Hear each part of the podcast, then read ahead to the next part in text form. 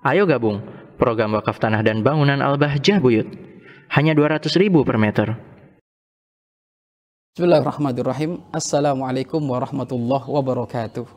Alhamdulillah. Wassalatu wassalamu ala rasulillah habibina wa syafi'ina wa qurrati a'yunina wa maulana Muhammad sallallahu alaihi wasallam wa ala alihi wa ashabihi wa tabi'ina lahum bi ihsanin ila yaumiddin amma ba'd. Pemirsa yang dirahmati oleh Allah Subhanahu wa taala, kita masih dalam program hamba-hamba pilihan, hamba-hamba terkasih ibadur rahman. Pada pertemuan yang lalu kita sudah membahas ciri yang pertama yaitu orang yang berjalan di muka bumi ini dengan ketawaduan, merendah diri, maka itu termasuk adalah ciri pertama dari hamba-hamba Allah yang terkasih. Maka ciri yang kedua adalah disebutkan dalam Al-Qur'an wa idza khatabahumul jahiluna qalu salama. Wa idza khatabahumul jahilun apabila orang-orang bodoh bertegur sapa dengan mereka apabila orang-orang bodoh bertegur sapa dengan mereka maka qalu jawaban mereka adalah salama menyelamatkan menyejukkan dan juga mendamaikan. Artinya apa? Kita tahu jahilun. Kita tahu jahilun jahilun itu adalah orang-orang bodoh orang-orang bodoh yang tentu di saat dia tegur sapa seenaknya sendiri. Karena dia nggak punya ilmu. Orang bodoh adalah di saat dia melakukan aktivitas banyak menyinggung. Banyak menyinggung orang. Kalimatnya mungkin menyakitkan, usil, dengki. Loh, ibadur rahman, hamba-hamba Allah yang terkasih, jika bertemu dengan orang-orang yang seperti ini, dicaci maki, dijelek-jelekin, kolu salama. Jawabannya adalah menyelamatkan dan menyejukkan. Menyejukkan bagi orang yang mencaci maki dan menyejukkan dirinya dan menyejukkan bagi yang mendengar. Artinya apa? Tidak banyak menjawab kecuali menjawabnya dengan kalimat afan, mohon maaf, afan, mohon maaf. Contoh, mungkin kita di saat kita berjalan di satu jalan, ingin hadir di satu tempat, mungkin hadir majelis, di satu tempat tiba-tiba di saat hadir di majlis kita sudah duduk di depan. Tiba-tiba di saat duduk di depan, tiba-tiba ada orang marah-marah. Kamu ini masih muda, duduk di depan. Tempat kamu di belakang sana. Ngapain kamu ada di sini kamu? Marah-marah seperti itu. Hamba pilihan Allah, jika ketemu model orang kayak gini, suka marah kayak gini, maka hamba Allah hanya cukup. Masya Allah, terima kasih, sukron, sudah diingatkan. Bahkan kalau perlu dicium tangannya. Maka ini hamba pilihan. Ini hamba terkasih. Ini hamba yang disayang oleh Allah Subhanahu wa taala. Akan tapi kalau sebaliknya di saat dicaci maki kayak gitu, dibentak-bentak kayak gitu kok jawab dia, "Eh Bapak sudah sudah tua mau mati masih bentak-bentak." Wah, ini bukan hamba pilihan ini. Maka pemirsa yang dirahmati oleh Allah Subhanahu wa taala, maka ayo kita tingkatkan kualitas kita. Kita tingkatkan diri kita, pangkat kita di hadapan Allah Subhanahu wa taala untuk menjadi hamba-hamba terkasih dengan bagaimana suka memberikan maaf, lapang dada. Memberikan maaf, lapang dada. Tidak mau terburu-buru membalas jika dicaci maki orang. Tidak mau, tidak mau berburu-buru membalas di saat didengki orang. Yang ada adalah memberikan maaf. Yang ada adalah memberikan ma maaf. Banyak hal-hal ini kejadian. Banyak hal-hal ini mungkin di saat kita kita lagi naik mobil, lagi, lagi naik motor, tiba-tiba ada orang rem mendadak di depan kita. Maka tidak perlunya kita bercaci maki dengan dia.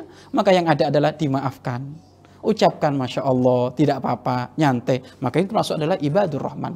Hamba-hamba pilihan Allah subhanahu wa ta'ala. Dan ini dicontohkan oleh para kekasih Allah. Para ulama hampir semuanya seperti itu. Jika dicaci maki, mereka semuanya tidak pernah membalas dengan caci makian juga. Malah yang ada balasan dengan kebaikan. Sehingga sering kita mendengar ada seorang guru mulia Habib Hasan bin Ahmad Barun. Beliau pernah dicaci maki orang bahkan dijelek-jelekin orang. Akan tapi oleh Habib Hasan bin Ahmad Baharun ternyata beliau membalas dengan balasan hadiah. Dikasih dibelikan kue satu satu toples. Diberikan kue dua toples untuk diberikan kepada orang yang suka mencaci maki. Loh hamba pilihan Allah hamba terkasih. Ibadur rahman cirinya yang kedua adalah pemaaf.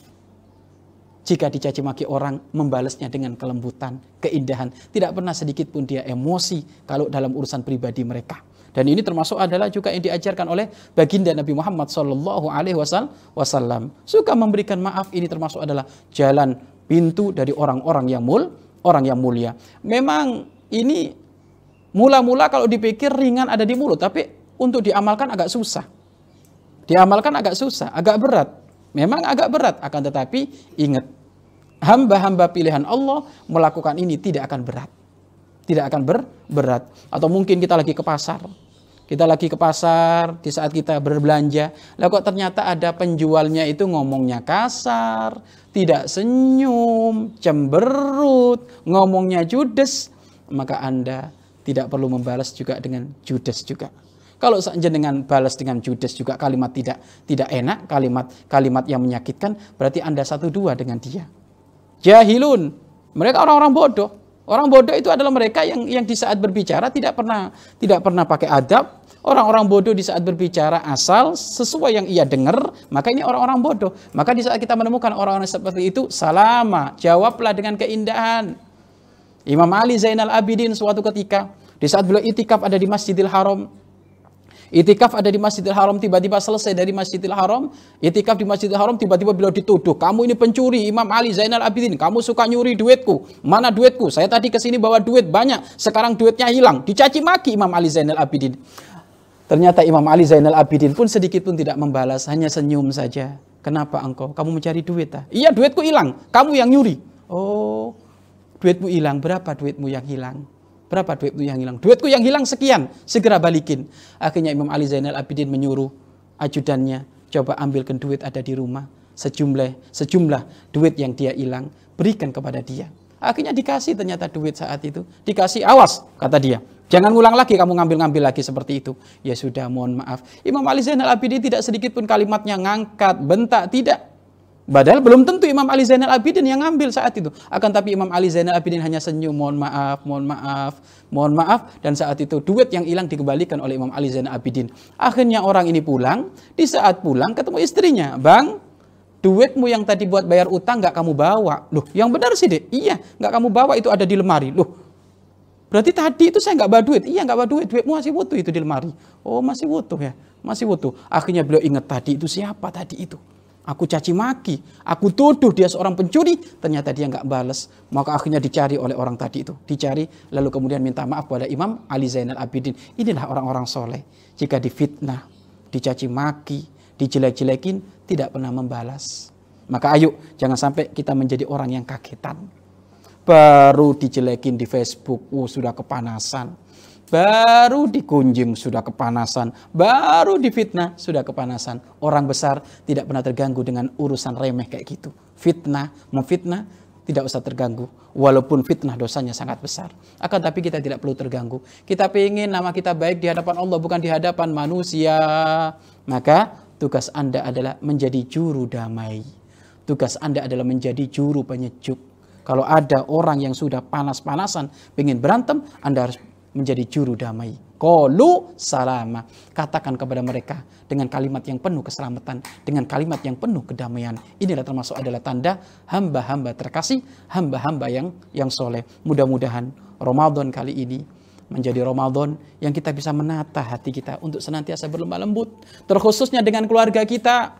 Terkhususnya dengan keluarga kita. Wahai para suami, mungkin Anda yang menemukan istrinya kok agak rewel ada di rumah.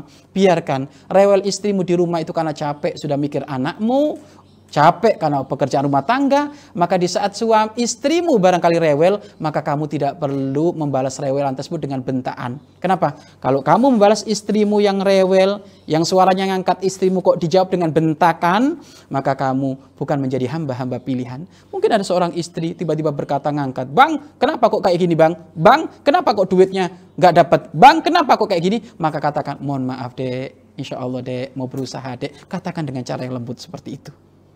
Dan juga bukan berarti hal ini memperbolehkan istri untuk untuk untuk seenaknya berbicara sama suami, tidak. Berkata kepada suami seenaknya, tidak karu-karuan, tidak beradab, dosa besar. Akan tetapi, jika seorang suami menemukan istri yang kayak gitu, maka suaminya kolu salama, jawablah dengan penuh kedamaian. Istrinya marah, marah-marah, kalimatnya keras, suami yang jawab, mohon maaf deh, mohon maaf, tidak diulang lagi. Atau sebaliknya, Suaminya marah-marah, suka bentak suaminya, maka istrinya ayo kamu menjadi wanita yang terkasih, menjadi wanita yang tersayang oleh Allah dengan cara kamu menjawab kepada suamimu dengan jawaban mohon maaf, afan, tidak akan diulangi lagi, mohon maaf, afan. Artinya, Anda dengan Ramadan ini harus menjadi ibadur rahman, hamba-hamba terpilih, hamba-hamba terkasih dengan cara tidak perlu kaget jika ada orang memfitnah dan tidak perlu sakit hati jika ada orang memfitnah. Yang ada adalah memaafkan, tidak membalas dengan kalimat-kalimat yang yang jelek, tetapi yang ada kalimat santun, mendamaikan, menyejukkan. Mari berinfak untuk operasional lembaga pengembangan dakwah Bahjah Buyut.